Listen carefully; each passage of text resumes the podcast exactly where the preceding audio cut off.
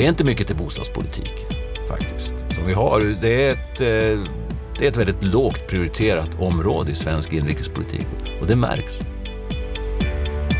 Men det var mest slående var väl också hur defensiva eh, miljöpartisten och socialdemokraten var. Hur de hamnade i försvarsställning hela tiden. Och det är uppenbart att de är obekväma i att de, de har ingen riktig agenda att presentera. Och de ska försvara och är obekväma med en del ställningstaganden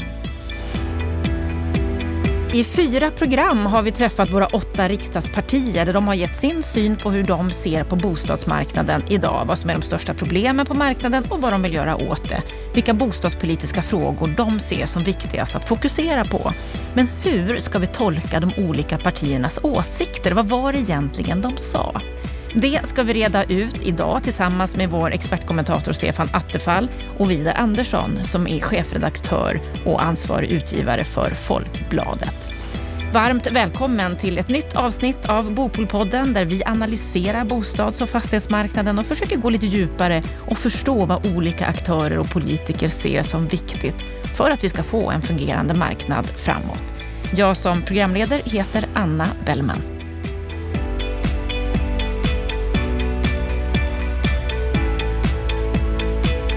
Varje vecka börjar vi Bopolpodden med veckans Aktuellt. Stefan Attefall, den här veckan har varit intensiv. Det har bland annat varit bostadspolitiska samtal hos statsministern och bostadsministern här i onsdag som det har skrivits en hel del om i media. Mm. Ja, då.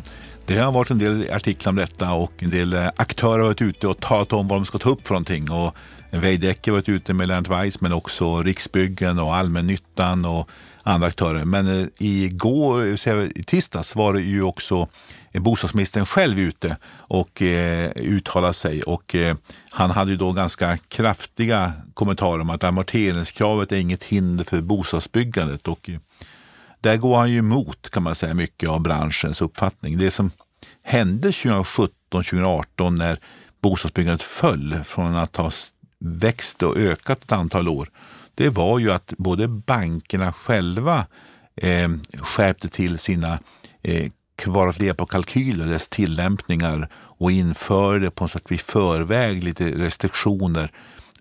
Därför att det aviserades ju nya amorteringskrav och så kom också de nya amorteringskraven. Och de här effekterna sammantaget fick ju marknaden att eh, faktiskt eh, störtdyka på vissa håll. Han säger ju här i artikeln väldigt tydligt att bostadsbyggandet det är ingen kärnuppgift för staten. Nej, men då menar han väl förhoppningsvis att eh, att det inte handlar om att bygga bostäder, det ska inte staten göra. Nej, det är riktigt. Men det som han glömmer bort i analysen, det är lite vad som händer på marknaden. Det här är just den förståelsen, vilka mekanismer det är som ju man saknar.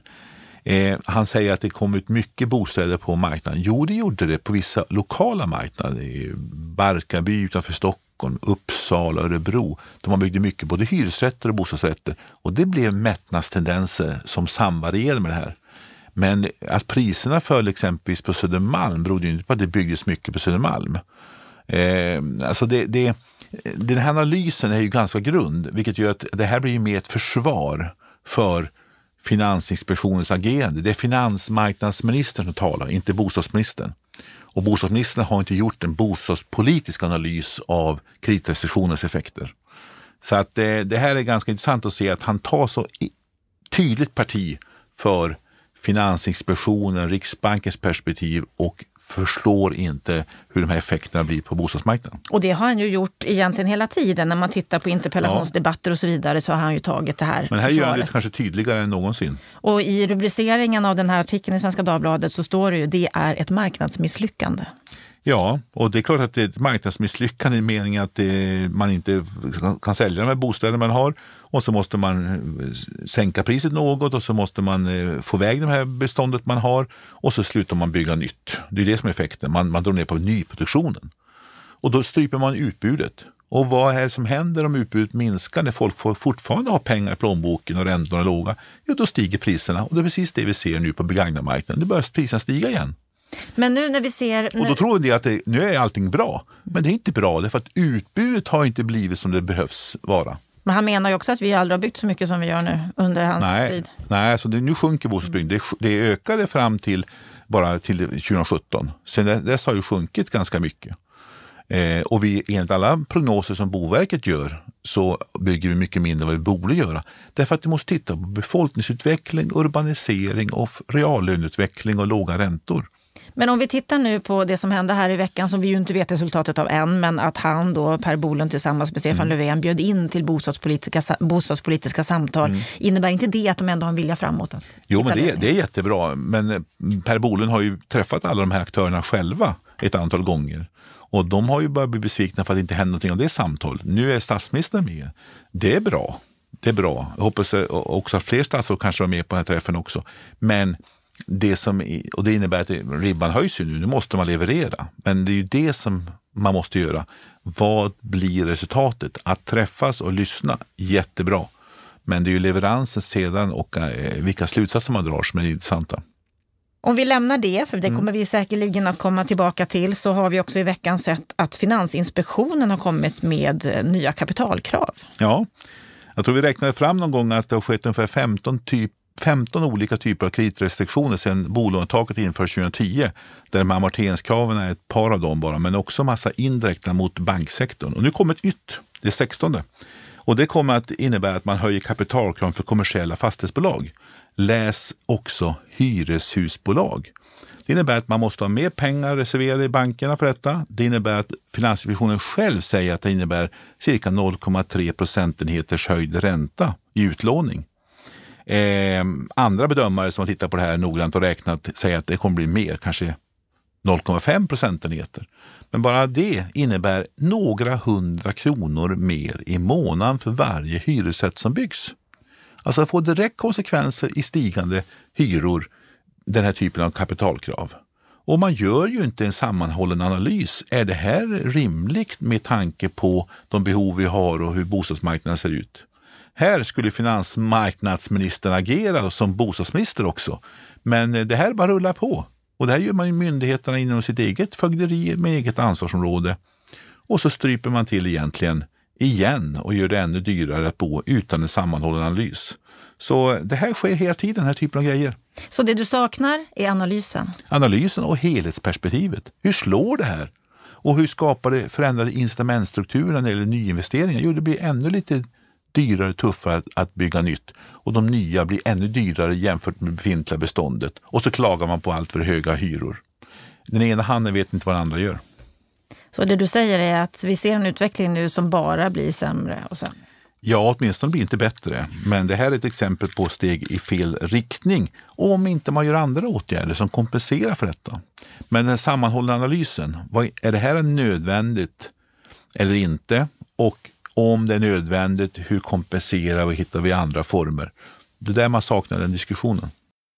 Då får vi se om vi kan återkomma till den diskussionen om det blir en sådan framöver. Stort tack för den här veckans Aktuellt, Stefan Attefall.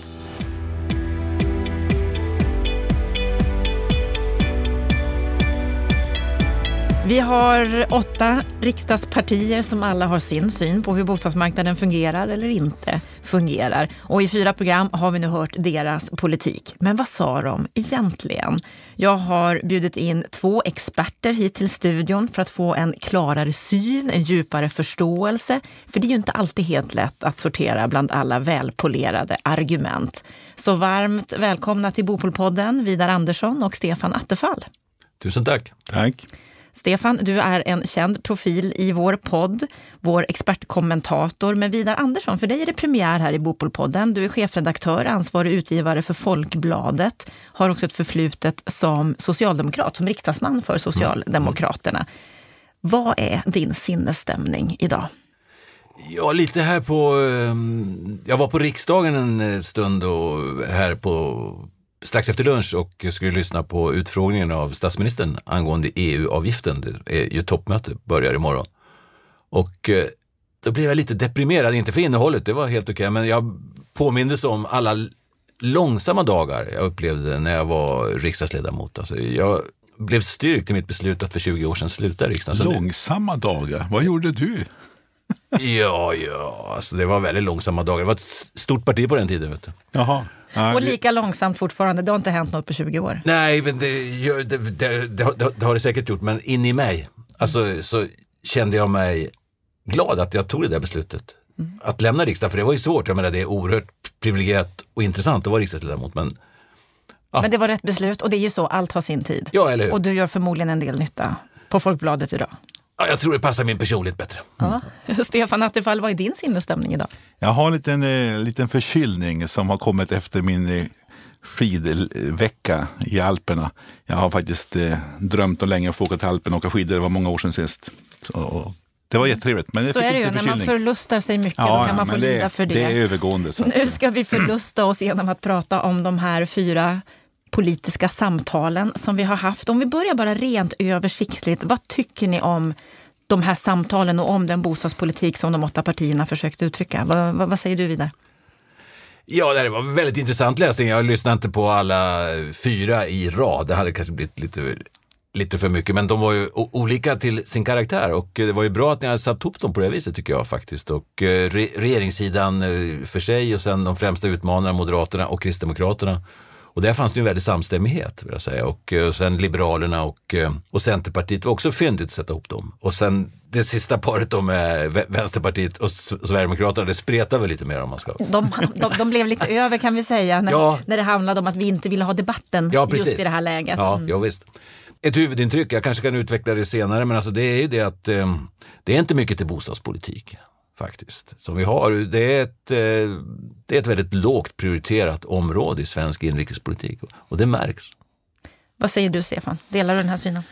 Nej, men det var intressanta samtal. Det är som bra avstämning på något sätt ett halvår in i mandatperioden. Eh, jag håller med om att eh, det fanns eh, alldeles för lite av substans på många håll. Men jag tycker också det är intressant att se rent idémässigt hur vi har Alltså jag tycker att det är roligt att lyssna på vänsterpartisten. Han, han var tydlig vänsterpartist. Det var klassisk vänsterparti, staten, mera staten, eh, lö- lösningen ligger där. va. Och vi har ganska tydligt också liberal agenda hos C och L med eh, marknadshyror och liknande resonemang. Och så har vi KD och M som, som eh, höll ihop mycket kring bostadsägarpolitik så, som eh, tror jag Lennart kallade det hela. Men det var det mest slående var väl också hur defensiva eh, miljöpartisten och socialdemokraten var. Ja, hur de hamnade i försvarsställning hela tiden. Och det är uppenbart att de är obekväma i att de, de har ingen riktig agenda att presentera. Och de ska försvara och är obekväma med en del ställningstaganden. De gillar inte fullt ut alla delar 74 74-punktsprogrammet och de ska försvara sina statsråd de ska försvara liksom, och, och de tar på sig den rollen med, med bravur. Men, men eh, ja, det är slående hur defensiva de blev och eh, jag vet att det är mycket svårare att vara regeringsställning än opposition. Eh, tro mig, jag har lärt Ja, och de säger ju hela tiden att de har ett väldigt tufft parlamentariskt läge. Det sa ju även Stefan Löfven här i, i en artikel Jo, häromdagen. det har de ju. Det har ju alla. Men eh, det, Är det inte du extra måste ju, besvärligt just Du måste nu? ju åtminstone ha någonting själv att komma med. Du kan ju säga att det är svårt att få gehör för det här. Men eh, du kan ju åtminstone uttrycka en tydlig vilja. Men Och det saknar det kom du? de ju inte med riktigt. va? Men sen är ju också, det som är slående tycker jag också, det är ju att i politikens värld är det lätt att vilja någonting. Men det är hur du ska genomföra detta. Hur får du ihop det finansiellt? Hur får du ihop det med regelverk som finns? Med EU-regler? Med svenska grundlagar? Och hur får du sen också det sista då, parlamentarisk majoritet för det hela? Och där var ju det ganska fattigt av strategier. Stefan, jag presenterade ju inte dig för jag tycker att alla borde veta vem du är. Tidigare bostadsminister för KD och tyckare och rådgivare i de här frågorna. Och Vidar, du är ju också en tyckare i de här frågorna och skriver många kröniker. Och för snart ett år sedan så skrev du i Folkbladet att Sverige saknar bostadspolitik. Att staten, regeringen och riksdagen de drog sig ur politiken i början av 90-talet och den offentliga finansieringen av bostadsbyggandet avvecklades. Att bostadsfinansieringen idag närmast helt är överlämnad till hushållen, byggföretagen och bankerna. Är det så att det helt saknas en bostadspolitik i Sverige? Jag skulle säga, jag menar, staten är ju viktig med ränteavdrag, bostadsbidrag och sådana här saker, men det är ju ändå på marginalen när man ser på alla de hundratals miljarder som finansieras, så att säga, om man tar för byggande och bostadsförvaltning. Och eh, det, det kommer inte längre från det allmänna, utan eh, men däremot sätter det allmänna regelverk eh, för saker och ting. Och det, det borde ju vara en, eh, en rimlig ansvarsfördelning. Jag, menar, jag har inget emot den ansvarsfördelningen. Men då, då måste den erkännas. Det jag känner att det är så här landet ligger. Och därför har vi de här regelverken. Då blir det begripligt. Men när man inte gör det, ja, då blir det motsatsen. Det blir obegripligt nästan. Mm. Och, och det, det håller folk borta. Jag är övertygad om att det är så. Vad, vad, vad, säger du Stefan, är det så illa, även om våra regeringspartier nu är defensiva och inte riktigt har någon tydlig riktning, men är det så illa som att de inte har någon bostadspolitik idag? Nej, det kan, vi har väl någon typ av bostadspolitik, det har väl haft, eh, men eh, man kan, jag, håller med om alltså att av statsfinansiella skäl och av många andra skäl så, så, så, så eh, skrotades det gamla systemet på 90-talet. Eh, vi gick in i en period med bostadsöverskott och politiken på något sätt abdikerade fullständigt. Va? Istället för att ersätta den gamla modellen med en ny modell så abdikerar man. Och det lilla som gjordes det sköt man ut i kommunerna bara. Och, och, man monterar också ner bostadsbidragen av statsfinansiella skäl och så. Så att i den meningen har man ju på något sätt släppt greppet. Eh, sen har det börjat försöka finna en ny form. Eh, vi fokuserar min tid mycket på regelverken och, och planprocesserna. Eh, man har diskuterat att komma investeringsbidrag som en slags försök att återgå till vissa delar av den gamla politiken, men inte fullt ut. Men det finns liksom, det vi behöver utveckla och det som har blivit akut, det är ju de sociala dimensionerna. Alltså hur får man komma in på bostadsmarknaden? Och det är en kombination av bostadsbrist men också hur regelverken fungerar. Men eh, det som jag tror är också det allvarliga, är att det som görs, det görs ju av myndigheter i försvårande riktning och där politiken är, är passiv. Mm. Vi ska komma in lite på det. Vi är inne på kreditrestriktioner och liknande mm, saker. Exakt, vi kommer tillbaka till dem. Ja, eh. så att det, vi, vi, vi, har ett, vi har ett läge där vi saknar en heltäckande bostadspolitik. Sen kanske det finns någon typ av bostadspolitik, det gör det ju. Och det finns fragment hos partierna tycker jag som är intressant och bra men inte något eh, Inget bra grepp. Och framförallt inte de kring regeringsalternativen. De som kan tänka sig att, jag menar, om MKD ska ta över jag tycker det finns embryon i KDs politik eh, som jag tycker stark sympati för ägandefrågorna. Det finns eh, inslag i alla partier, men hur får man ihop det?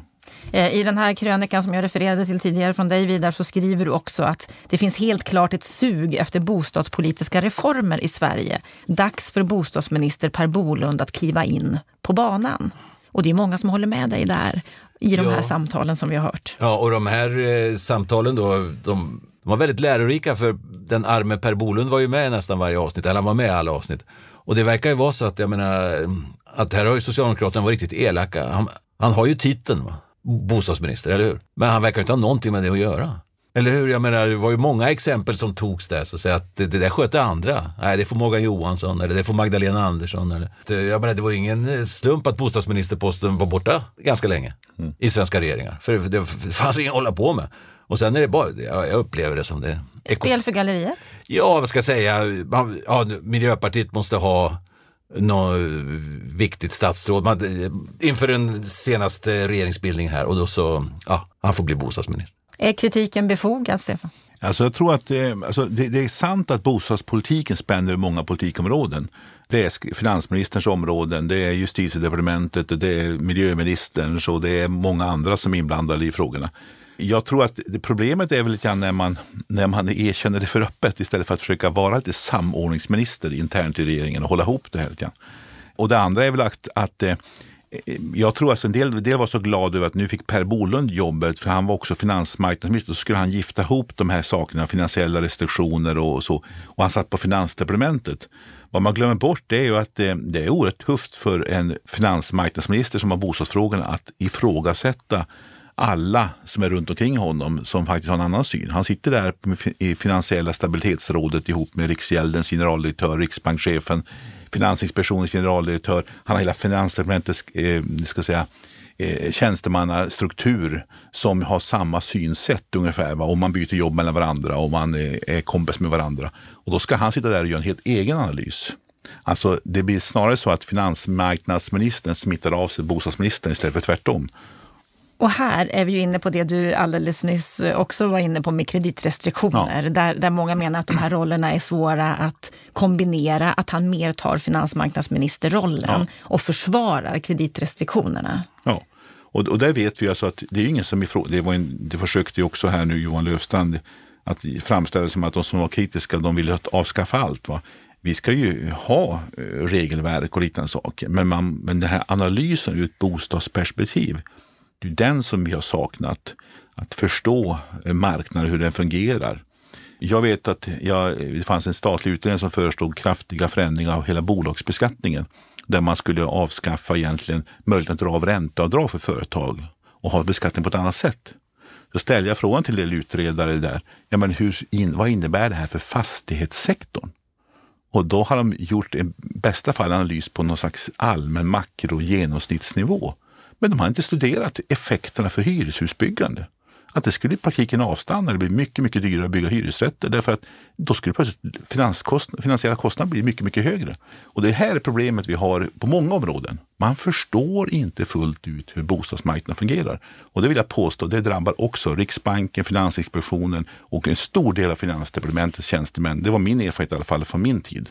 Att Men är det så att Per Bolund inte förstår hur bostadsmarknaden fungerar? Jag tror Per Bolund lyssnar för mycket på tjänstemän som sitter och ser utifrån ett perspektiv. Ingen finansiell kris under min tid. Och så blir man, då, då, blir man som min svärfar gjorde när han åkte på resa. Han skaffade både en reseförsäkring på resebolaget, hade en hemförsäkring som hade avbeställningsskydd och dessutom betalade med ett kontokort som hade avbeställningsskydd. Alltså det blir trippelförsäkringar. Och då blir man rädd för att göra någonting och då blir man extremt noggrann med det. Och då slår det på exempelvis bostadsbyggandet. Och här har vi ju när det gäller kreditrestriktionerna två läger väldigt, väldigt mm. tydligt. Där många experter i branschen som vi har intervjuat i den här podden menar att det där slår otroligt hårt mm. mot de som behöver komma in på bostadsmarknaden. Att vi, det andra amorteringskravet framför allt är helt onödigt i det här mm. sammanhanget. Och Precis, det blir trippeleffekter när det gäller att gardera sig för att hushållen inte ska bli mer skuldsatta. Och sen har vi ju andra sidan då Johan Löfstrand och, och Emma Hult här som helt försvarar att vi ska fortsätta att ha de kreditrestriktioner som vi har. Därför mm. att som politiker måste man ta en helhetssyn, ett helhetsansvar. Mm. Ja, så är det. Man kan hålla på och bolla det fram och, fram och, och tillbaka. Och är det inte så, handen på hjärtat, att alltså, alltså, bostadsmarknaden, alltså de allra flesta bor ju i egenägda småhus. Och strax efter andelen som bor i hyreslägenheter är det bostadsrätter. Jag vet inte, 60-65 procent någonting. Jag menar, bor ju eget, i bostadsrätter eller eget. Mm. Ännu mer kanske. Jag menar, det fungerar väl alldeles utmärkt. Eller hur? Mm. Ungefär som matmarknaden eller andra. Det fungerar alldeles utmärkt. Så frågan är, vad ska politiken där att göra? om det inte är något fel på det, vad ska man hålla på med? Sen är det på marginalen då, man säger vi tar de här kreditrestriktionerna. Men tydligen, vad är det för problem egentligen alltså, när man tänker på det? De vill inte att hushållens skulder ska öka mer, de vill inte att bostadspriserna ska öka mer och det har de lyckats med. Men ja. är, inte även bostadspriserna tycker jag är så underbart. Ja. Jag läste nationalekonomi ja. på universitetet. Grundkurs 1A var ungefär så här. Om utbudet ökar mm. sjunker priset. Om utbudet minskar stiger priset. Ja, så borde det vara, eller Ja, ja. så borde det vara. Ja. Och varför stiger bostadspriserna? Det är därför att efterfrågan stiger. Om vi har hög sysselsättningsgrad, reallönestegringar, är rekordlåga räntor mm. och befolkningstillväxt. Mm. Ja, men om inte priserna stiger då, när dessutom planprocesserna tar kanske 6 till 10 år att få fram nya bostäder, särskilt i våra tillväxtområden. Det är klart att det stiger priserna. Och stryper du då utbudet av, av bostäder, då stiger priserna ännu mer. Om inte folk blir fattiga. Kör svensk ekonomi i bankrutt. Ge mig fem år som finansminister ska jag fixa det. Då kommer vi ha bostadsöverskott. Det är en välfärdsfråga det här. Så i den här frågan, hur ska vi tolka våra partier? De flesta vill ju ha kvar kreditrestriktionerna. Det är ja. inte många som säger ta bort det. Får jag, får jag, det var intressant att höra Moderaterna. Notera vad de sa nu. För jag vet ju att det, det är svårigheten är ju i en eh, moderat försiktig svängning i de här äh, frågorna kring kreditrestriktioner, det var att säng, höja bolånetaket från 85 till 90 procent. Och de är det enda partiet som föreslår en sån åtgärd. Ja, men det intressanta är att de gör ingenting åt amorteringskravet. Det innebär att den som då skulle få lite bättre lånemöjligheter, den skulle fortfarande drabbas av amorteringskravet. Så att effekten av detta blir ju oerhört marginell.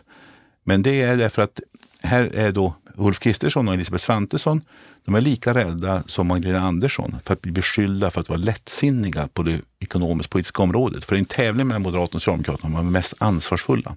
Och då får du precis den här effekten att man vågar inte röra någonting. Men varför är det inget parti som vågar? Därför att man är rädd för att bli beskylld för att ekonomiskt oansvarig. Därför att om Riksbanken och Finansinspektionen beskyller dem för detta, då blir de eh, skakiga. Och det här är SM i tävlan om att vara mest ansvarsfulla. Istället för att göra en riktig analys Men ha kvar kreditrestriktioner, men öppna upp möjligheter för unga, för förstagångsköpare att få lite lättare. Vi har ju studielån i Sverige. Vi ger folk utan kreditprövning flera hundratusen lån utan säkerhet. Det går jättebra. Men ge ett litet startlån till en människa som köper en fastighet efter kreditprövning med stabila inkomster. Nej, det är omöjligt i Sverige. Ja, det har onekligen gått troll i detta. Men samtidigt så, det är ingen jättegrej. Man, det är inga demonstrationer på stan eller de här unga, vi har ingenstans att bo eller bort med de här restriktionerna utan det, det förs liksom, det är på expertnivå hela tiden. Någon, någon myndighetschef, någon Attefall, någon Weiss, någon annan och lite politiker. Men. Så frågan är, de här eh, ungdomarna, de är väl så vana att nomadi, nomadisera så det har liksom, det har blivit normen. Det är, jag ser och hör inga stora protester från dem det handlar om. Och därför kommer det fortsätta vara som det är nu? Ja, det finns inget tryck på, av olika skäl. Dels det Stefan säger här naturligtvis att ingen vill vara lättsinnig. Men sen finns det inget folkligt tryck. Alltså. Om vi ska lämna den här frågan och istället bara titta lite, lite kort på respektive partis bostadspolitik, helt kort. Vad säger ni om det första programmet som vi hade, det var mellan Liberalerna och Centerpartiet. Vad har Liberalerna för politik när det gäller det här området? Ja, det bestående intrycket är ju så att säga som, och det kännetecknar ju både Liberalerna och Centerpartiet, de är ju väldigt liberala, Centerpartiet nu för tiden också. Det är ju eh, marknadslösningar kan man säga. En eh, stor tro på marknadslösningar. Och, ja, det är väl det som eh, sticker ut, det som jag antecknar i alla fall. Jag tyckte de gjorde en ganska bra analys av problemen på bostadsmarknaden. Svårt att ta sig in för mm. svaga grupper men också för, för ungdomar och andra. Men jag har lite svårt att tro att marknadshyror skulle göra det lättare att komma in på bostadsmarknaden. För att I dagens bostadsbrist så jag tror att du får ett effektivt, mer effektivt nyttjande av beståndet. Men ska du få det måste du ha en ganska snabb övergång till, till riktiga marknadshyror med fri prissättning. Då får du brutala effekter. Va? Det blir som att chockhöja fastighetsskatten. så du tvingar folk ut. Då får du politiska problem och det är ingen som vågar det. Ska du göra det här mjukt och försiktigt över längre tid, ja, då får du små effekter också. Och framförallt i en bostadsbristsituation så kommer bara prisrörelserna vara uppåt. Det är ju ingenstans det kommer att falla priserna på bostäder. Det är möjligtvis någon extremt udda plats i Sverige. Och, och, därför blir det inte lättare att komma in på bostadsmarknaden. Ja, du frigör du kanske lite, så småningom flyttar den här damen på fyran på Östermalm och hon, hon tvingas flytta därför att hyran stiger så kraftigt för henne.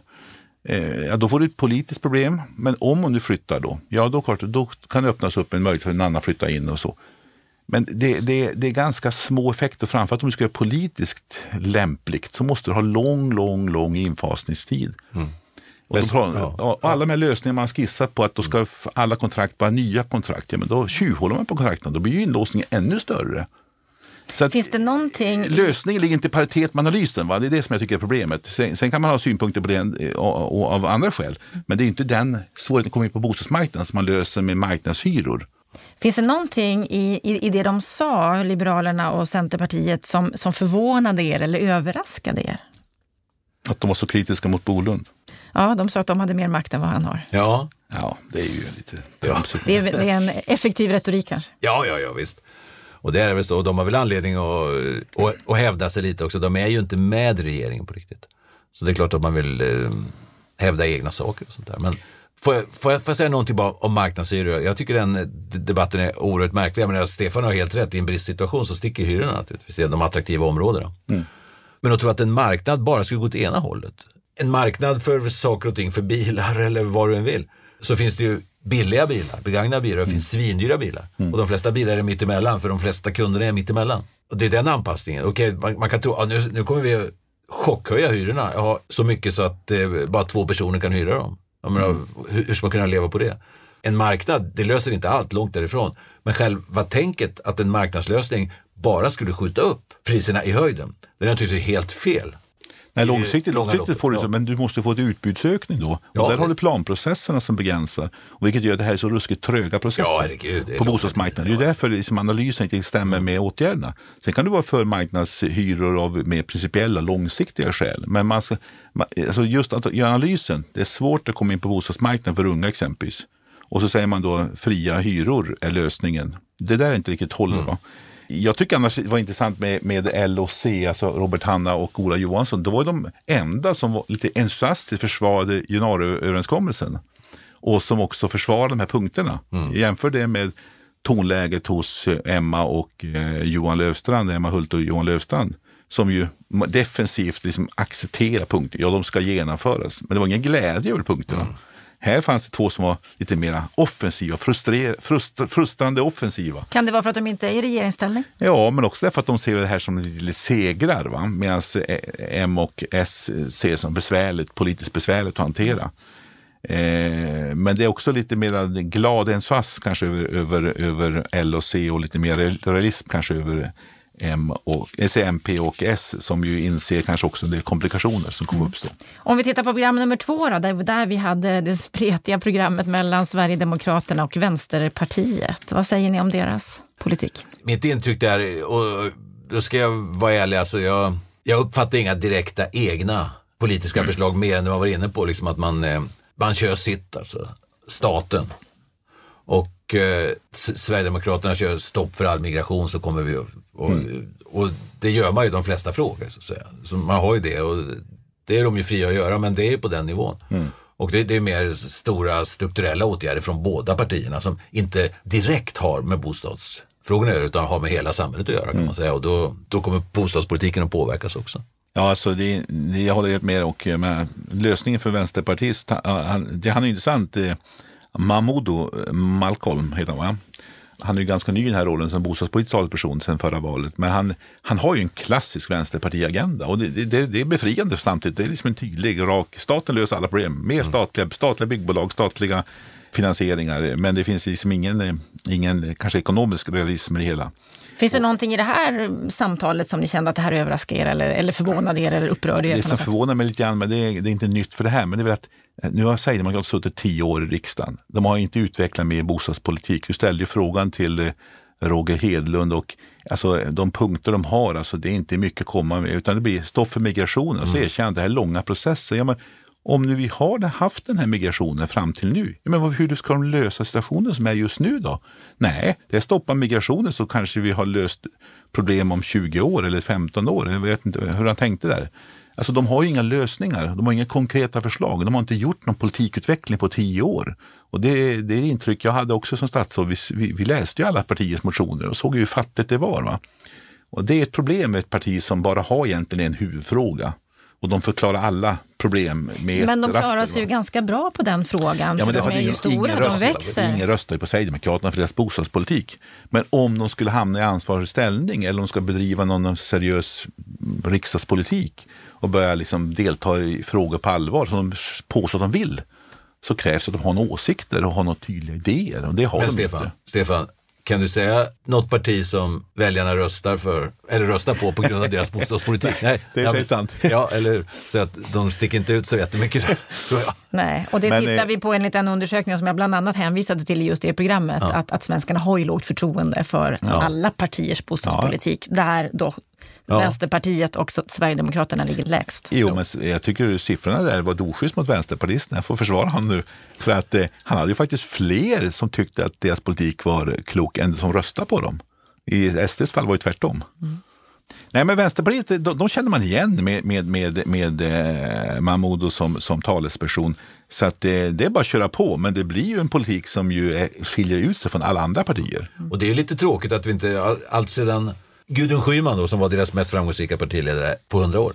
Så hon, börjar, hon närmar sig lite faktiskt om vad vi kan kalla lite liberal vänster. Vi har ju ingen sån i Sverige. Nej. Det finns ju inte och det är en Nej. stor bristvara. För jag tänker att vänstern borde vara emot de här kreditrestriktionerna för ungdomarna. Man tycker ju det. Nej, det, försvar, det försvarar han. Det försvar, ja, visst, därför att då, det blir statens intresse mm som hela tiden överträffar människornas intresse. No. Och det är en stor brist. Inte bara hos vänstern, men vänstern borde vara de som gick först. Ungefär som att avlegalisera de som vill röka hasch och såna grejer. Det, det är ju klassiskt vänster och Miljöpartiet, men inte ens det. Om vi går vidare då och tittar på det tredje programmet så träffade vi där Moderaterna och Kristdemokraterna. Mm. Vad säger du om det samtalet? Ja, det var ett eh, stabilt, eh, stabilt program, även om jag förstod på kommentarerna från Lennart Weiss att eh, Bolin, eh, moderaten då, eh, var relativt ny i sin roll där. Så äh, verkar stabil och samkörare. Det var ju mycket kring Fast han har varit riksdagsledamot i många år. Ja, ja, visst. Han är ju erfaren och undrar om han inte är ordförande rätt av för Moderaterna i Dalarna. Eller han, han har en stark position i alla fall. Och eh, Han, ehm, Han är ny i rollen som bostadspolitisk talesman. ja, eller hur? Ja, ja visst. Sen ett eh, år tillbaka. Ja. Stabilt och, och, och konservativt. Ja. Någonting som överraskade eller förvånade där? Det, alltså, det är ju uppenbart är ju att, att eh, eh, Kristdemokraterna har, har tagit sig an att försöka vara ett bostadsägarparti. Och jag tycker att det som jag tycker är liksom en klurig men också mycket insiktsfull inledning som Larry Söder hade, det var ju att han säger människor vill inte alla undersökningar äga sin bostad. Då borde politiken främja det. Och det ligger någon slags basal kunskap i den påståendet som jag tycker är ganska intressant. Alltså det är ju faktiskt så. Eh, Det är vad folk vill enligt andra undersökningar. Och då måste man ju- Majoriteten, inte alla. Nej, men majoriteten. 60-70 procent vill det. Då måste man ju också skapa en politik som främjar detta. Tvärtom gör vi trösklarna högre och högre för att kunna äga sin bostad. Eh, Johan Löfstrand sa att man ska inte som 30-åring dra på sig lån på 2-3 miljoner. För katten, varför inte det? Om jag ska ha familjebildande ålder och köpa en villa eller köpa en lägenhet för 3 miljoner i lån, det ger mig 5 000 kronor räntekostnader. Sen skattedrag på det 3 500 kronor plus då självklart eh, kostnader för, för driften eller månadsavgiften om det är en bostadsrätt. Alltså, eh, eh, det är, ju, det, är ju, det är ju vad jag ska betala som är intressant och vad värdet är på lägenheten. Alltså det blir en slags moralism över det här. Det är ju kostnaden jag har och att jag ser till att jag har marginaler. Eh, Men finns det någonting nu då, Stefan, du som då är, är, är KD i Ja, jag är själ jag är- och hjärta jag är och blod? partisk i den här finns, frågan. Ja, det är du ju. Men, men finns det någonting som du kan känna att, nej, men för sjuttsingen, skärp er här, det här borde ni ju driva lite hårdare? Eh, nej, men jag tror, att, jag tror att de är på rätt spår i det avseendet. Sen, sen sa han en sak som jag inte vet om. Han pratade om marknadshyror där och jag, jag vet så har partiet bara tagit ställning för fria nyproduktionshyror. Men han lät som att han pratade generellt. Jag vet inte riktigt vad, vad, om han pratade, mm, eh, sa för mycket eller om han sa eh, någonting som har skett som inte jag har hängt med på. Jag tycker att det var intressant att se i alla fall hur, hur, hur Karl-Oskar Bolin också hängde på och, och hade samsyn. Men sagt var, det intressanta med att han var den som var konkret kring det här med bolånetaket.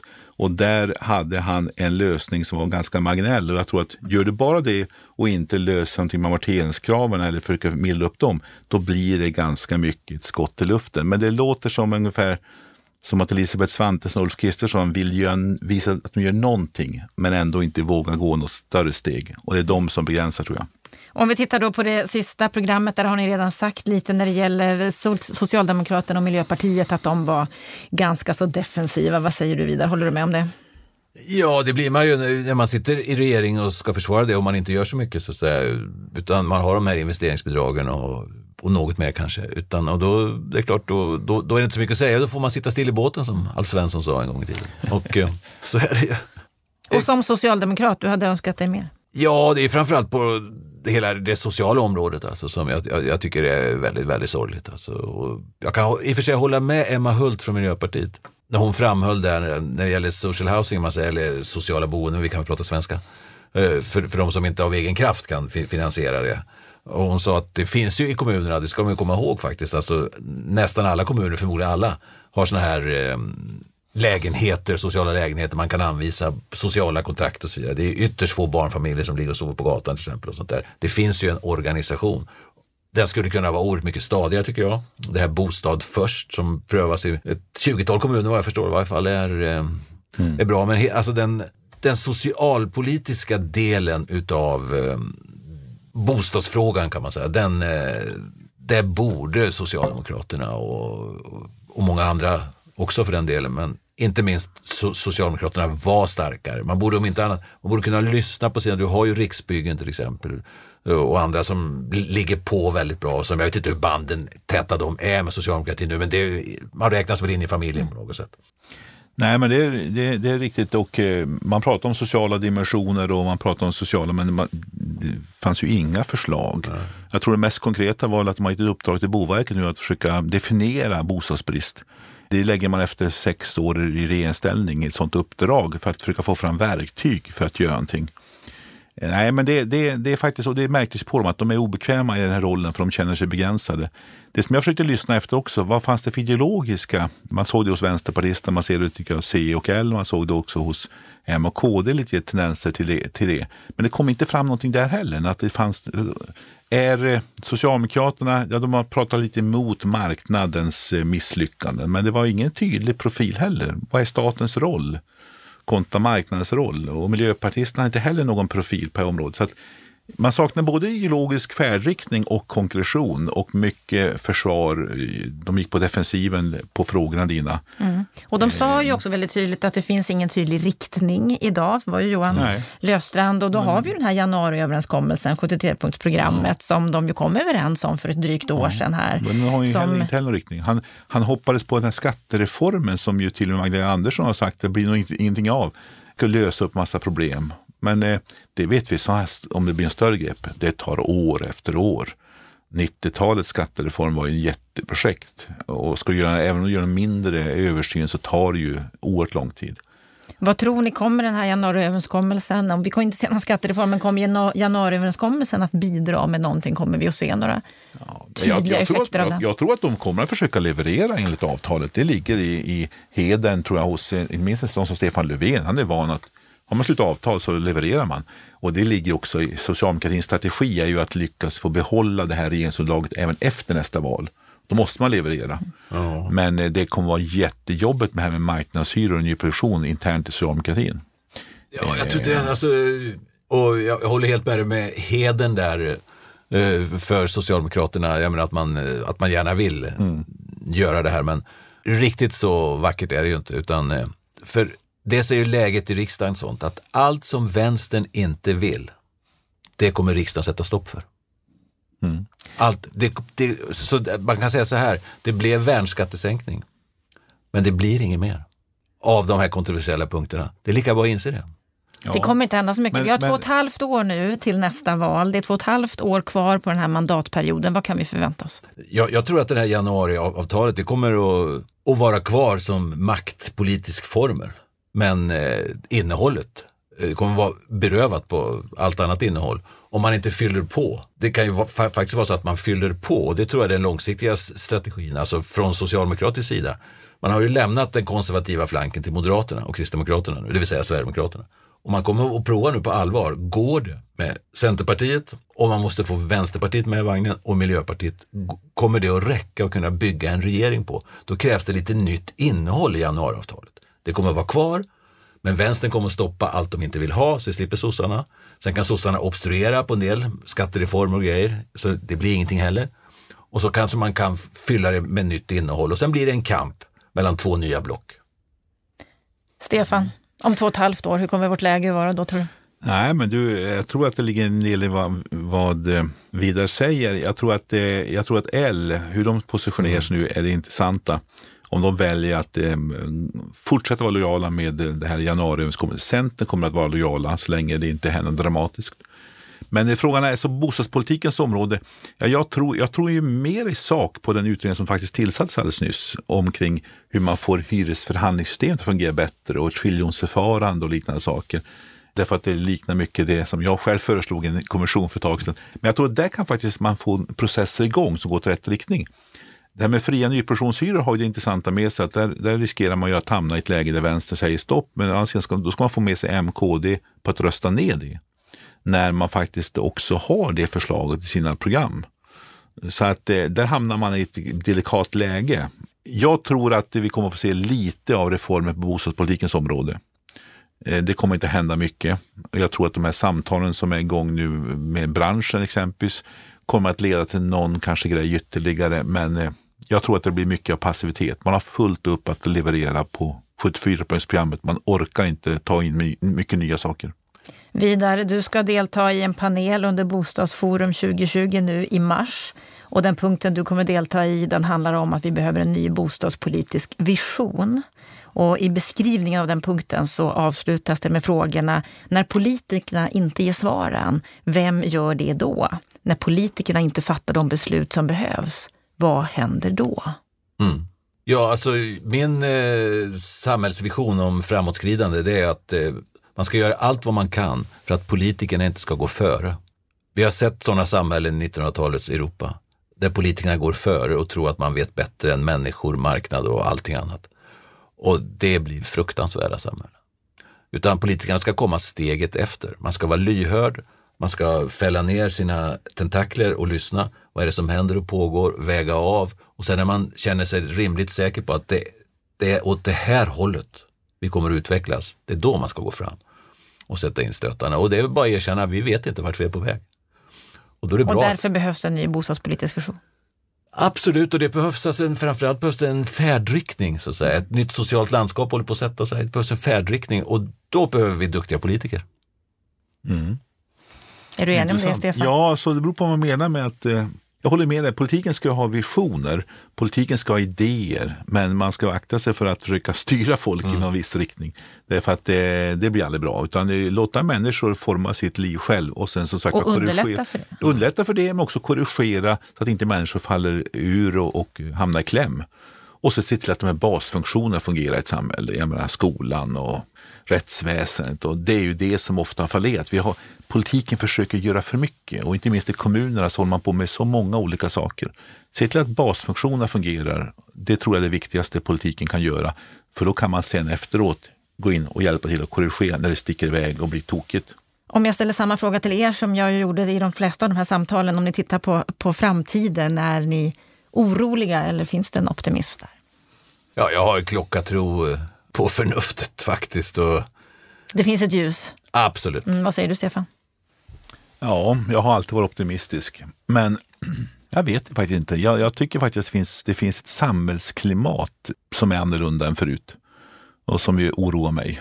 Politiken har blivit allt mer populistisk tycker jag också. Så att eh, jag, är, jag är inte lika optimistisk som jag var för ett antal år sedan, men mera inte för, inte för det faktiska händelser, klimatet som håller på att förändras i, i Sverige. Vi har fått en hetskare ton och vi har fått en mycket mer av egoistiskt eh, synsätt på saker och ting. Men eh, jag får säga också, jag tror på förnuftet också. Så att eh, ur detta reser säkert någonting gott också så småningom. Men just nu är jag lite halvpessimistisk i alla fall. Och trots det så vill jag tacka er för att ni var med här i Bopolpodden och försökte reda ut vad våra politiker sa eller inte sa och vad ni saknade i samtalen när det gällde vår bostadspolitik. Och det är ju så att ska man ha tentaklerna mot marken så behöver vi fortsätta föra samtalen och berätta om vad som är viktigt och vad människor behöver där ute. Så att samtalen, de kommer att fortsätta. Det var Bopolpodden för den här veckan. Stort tack för att du var med och lyssnade. Sprid gärna den här podden till fler och vill du nå oss så gör du det på podd.bostadspolitik.se. Och med det så önskar vi dig en riktigt trevlig vecka.